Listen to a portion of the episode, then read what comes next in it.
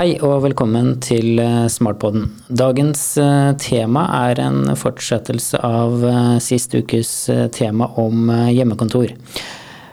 Flere savna jo kollegaene sine da de måtte sitte hjemme og jobbe, mens andre fant fort ut at det er minst like effektivt å jobbe hjemmefra. Vi tar tak i dette temaet i dagens sending også. Og vi har fått med oss eh, en som elsket eh, hjemmekontoret, nemlig Fredrik. Og Fredrik, eh, hvorfor i all verden syns du det var så bra å være hjemme? Uh, nei, altså det er jo det er litt sammensatt, det der. Men i hovedsak så, så gikk det på det at uh, det var mindre forstyrrelser. En hadde mulighet til å kunne konsentrere seg 100% om de oppgavene en holdt på med. Eh, og så var det mye enklere selvfølgelig å kunne legge opp dagen sjøl. Mm. Eh, styre det litt i sitt eget tempo. Ja. Eh, og jeg som kjent har jo barn som har måttet være hjemme fra barnehagen òg, eh, som gjorde at jeg måtte ja, prøve å være kanskje litt fleksibel med hvordan jeg la opp dagen min. da. Eh, så det var ikke en åtte til fire-arbeidsdag, det var mer eh, sju og en halv time i løpet av 24 timer som gjaldt. Ja, For du ble jo pappa i perioden her, ikke det? Ja, jeg, jeg ble pappa igjen 20. mai. Ja. Så det var i hovedsak Iben, dattera mi, som, som var i, i hermetegn problemet eh, ja. hjemmekontortida. Ja. ja. Men uh, tok det lang tid før du kom inn i jobbrutinene hjemme? Nei, det gjorde det ikke. Det syns jeg gikk veldig fint. Det fortsetter nå egentlig i, i, samme tempo og med de samme rutinene som gjelder på kontoret òg. Det var Omstillinga gjaldt jo selvfølgelig det å få timeplan til å gå opp med, med barnet. Men, eh, men, eh, alt i alt så gikk det veldig fint, altså. Det gjorde det. Eh, jeg følte at jeg var på plass og, og hadde god kontroll fra dag én. Mm. Mm. Ja. Men når, når, du tenker tilbake på den hjemmekontorperioden, er det noe du kunne tenke deg som en permanent løsning? Eh, altså, jeg svarte jo at jeg var veldig fornøyd med den tida at det fungerte greit med hjemmekontor òg, men jeg, jeg, tror ikke jeg ville ha sett på det som en permanent løsning. Hvorfor ikke det? Nei, fordi at det er, det er noe med samholdet på jobb. Eh, det å kunne sitte ansikt til ansikt og samarbeide og eh, drøfte ideer og tanker med, med kollegaene sine. Eh, og det er jo noe som jeg i hvert fall setter veldig stor pris på. Lære om at jeg syns det var veldig effektivt de dagene jeg satt hjemme og kunne, kunne konsentrere meg. Så, så vil jeg nok helt klart savne det sosiale og, og det mulighetene til å jobbe i lag med kollegaer på kontoret. Mm. Men får du gjort mer når du har det sosialt også? Eh, ja, det er vanskelig å, å, å svare på det, men, eh, men, på en måte så vil jeg kanskje si eh, ja. Fordi at konsentrasjon er Uh, ja, jeg er såpass mye mer konsentrert, da. Ja. Uh, jeg. Uh, så, så, av sånne oppfølgingsoppgaver og, og det å svare på e-post og følge opp sånne generelle ting mm. er nok mye mer effektivt når jeg har mulighet til å sitte og konsentrere meg i min egen lille boble. Mm. mens at ja, som sagt, da, det, det oppgavene og de kundene som må følges opp i, i samarbeid med andre, vil nok helt klart være mer effektivt å kunne gjøre på kontoret, da, der mm. vi er sammen. Mm. Mm. Og Geir, eh, hva tenker du om det Fredrik sier her? For det, det er jo tydelig at, eh, som vi snakka om sist, at det fins ingen fasit på hvor det er best å, å sitte. Nei, eller jobbe. Jeg tror Fredrik egentlig, om han er et symbol eller legemliggjør det som Inntrykket mitt også. Vi litt sist om det, Jeg snakka sist om det der med spagaten som fins. På den ene sida mer effektivitet, fordi at man slipper av er alltid de små forstyrrelsene. Samtidig stor eh, utfordring i forhold til de som hadde barn. Det er en todeling i hele organisasjonen, tror jeg. Um, og så er det uh, spennende når vi hadde som inngang at vi skulle komme styrka ut av perioden. Det var veldig ambisiøst. Um, og så gjør vi det på en del sånne målbare tall, på noen mm. undersøkelser og sånn. Mm. Men det viktigste er hva vi tar med oss videre. Mm.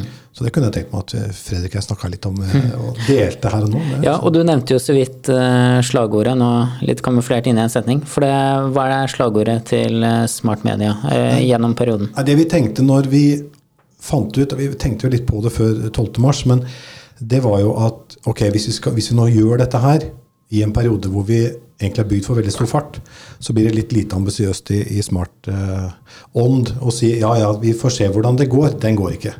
Så da var målet heller å komme styrka ut av. Mm. Og så tenkte vi at det er veldig ambisiøst.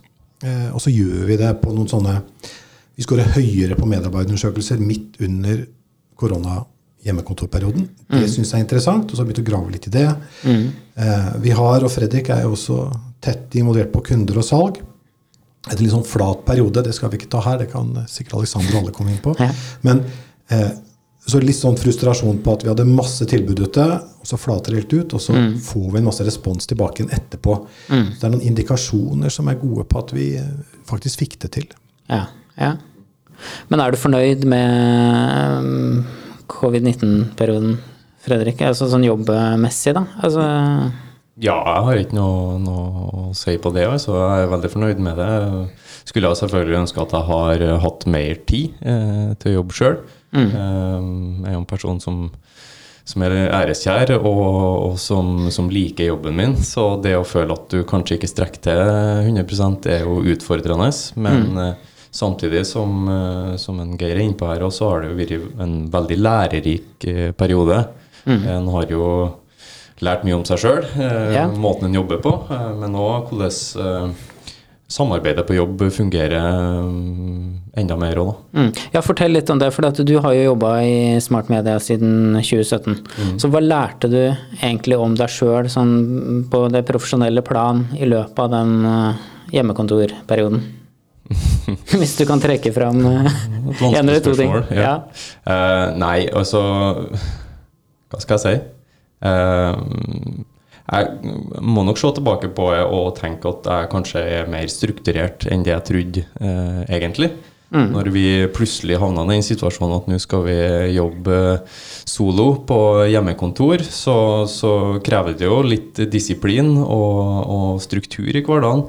Eh, og jeg har jo bestandig tenkt meg sjøl som en person som som liker at det er mye som skjer, og at kanskje ting blir litt kaotisk til perioder. Jeg lander bestandig på fotene. Mm. Men uh, etter den tida hjemme så ser jeg nok det at jeg er kanskje hakket flinkere til å, å, jobbe mer strukturert enn det jeg trodde. Ja. Mm. Mm. Nei, men det er jo gode tilbakemeldinger, Geir. Det her med at uh, hvis flere føler det samme som eh, Fredrik her, da, at de har blitt mer eh, strukturert, eller kanskje oppdaget at de er veldig strukturert også hjemme? Ja, hvis det er sånn. Jeg syns det er spennende å tenke på at vi i, når vi starta disse medarbeiderundersøkelsene, så er en av de tingene vi scorer lavt på, er at det er mye forstyrrelser mm. i arbeidssituasjonen. Det var før vi havna på hjemmekontor den stiger. altså Folk syns det er mindre forstyrrelser på hjemmekontoret. Hva kan vi lære av det? Jo, sannsynligvis at hvis vi skal ta med oss noe ut av det, så har jeg tenkt, og nå tenker jeg høyt, og det er jo skummelt, men det er sikkert ok, det er jo at eh, hvis vi skal sitte på hjemmekontor, så er det pga. en eller annen oppgave som krever fokus. Istedenfor at jeg tror før dette her, så har jeg også tenkt på hjemmekontor som litt convenient i mitt eget liv også. Det er noe som gjør at. Mm. Da kan jeg like å sitte og jobbe hjemme, for vi har stor frihet i Smart, som mm. digitale mennesker vi er, til å gjøre det. Men hvis vi klarer å tenke at det er oppgavebasert, à la det Nå skal jeg ikke legge ord i Fredriksen munn, men i min greie så vil det være en dag jeg skal lage store rapporter, et eller annet som skal litt krever nøyaktighet og konsentrasjon, ja, da kunne jeg valgt hjemmekontor den dagen. Mm. Knytta til en oppgave. Mm. Istedenfor og her er det jeg også medlem av klubben. Jeg skal levere bilen på verksted. Det passer med hjemmekontor. Mm. Det er lov, det, ja, altså. Ja. Men det er mm. kanskje en læring av det. Ja, ja. Eh, og det, Den evalueringa tror jeg vi skal ta gjennom sommeren og tenke litt gjennom. Ja, Men, men det er jo ingen tvil om at uh, en sånn hjemmekontorperiode vil oppstå igjen. Uh, som vi var inne på sist, kanskje ikke uh, som følge av et virus, med, men helt andre ting. Og hva ville du gjort annerledes da, Fredrik, hvis du skulle gått gjennom en sånn lang hjemmekontorperiode på nytt? Skaffa barnevakt. Mm. Ja. For det, det var naturlig nok krevende. Mm. Ja. ja. det var det. Uh, og så, så Jeg har ikke egentlig noe, noe, annet å si til det. Det er jo litt avhengig av hvordan uh, hjemmekontortida blir. For som Geir sier, så, Så det jo mange nyanser her. fordi at altså, De forstyrrelsene som vi snakker om, er jo ikke utelukka negativt uh, på kontoret. fordi at mange av de forstyrrelsene vi har i hermetegn, er, er jo gode forstyrrelser. Det er folk mm. som spør om hjelp, eller ønsker råd, eller vil rett og slett bare snakke. Og det er jo sånt som er veldig positivt. Mm. Uh, så det, det, er nok mer kanskje den strukturen på dagene som er veldig viktig for meg, i hvert fall hvis mm. det er en sånn uh, periode der vi har enten bare hjemmekontor, eller at vi har mer hjemmekontor enn vanlig. Mm. som Geir sier, så er det helt klart noen oppgaver som naturligvis vil vil uh, kreve at en kunne konsentrere seg mer, som rapporter eller store anbud som skal ut, eller uh, sånne oppgaver som det, mm. så kan hjemmekontor være en uh, veldig positiv greie. da. Mm. Men, men, kommer det, Geir, strengere retningslinjer på struktur for hjemmekontor når det en eller annen gang kommer tilbake? Nei, jeg tror ikke smart media blir noe særlig strengere. Men jeg tror vi skal ta med oss ehm, eh, at vi skal trives med den digitale løsningen som vi har. Personlig lærte jeg hvor utrolig dumt det er å sitte på en spisestuestol i, i fire-fem uker. Det satte ryggen min ikke pris på. Så det er, det er, noe med både ergonomi, HMS også, som dukker opp, som vi lærer av. Eh, det er noe med at, ehm, at det å sitte sammen av en årsak er viktig. Ehm, og så tror jeg at eh, hvis vi lager retningslinjer, så blir det i denne situasjonen. Altså Da blir det når du velger hjemmekontor, så gjør det av en sånn god årsak. Hva gode årsaker er, det går man inn og vurderer sjøl. Mm. Stor frihet der. Um, sånn at jeg tror at hvis vi skal dra det inn i en ny situasjon, la oss si at drivhuset brant ned, altså en, et scenario, mm. eh, så er vi rusta for det digitalt. Og så er vi mm. enda bedre rusta til det sånn menneskelig. Mm. Eh, så er det noe med mine egne møter jeg klarte jo faktisk Jeg snakker jo mye, vet du, lever av det. Mm. Eh, de ble kortere, høyere kvalitet, betyr Men jeg mista ganske mange sosiale dimensjoner. Mm. Ja. Men på, på, akkurat det punktet der så lærte jeg mye.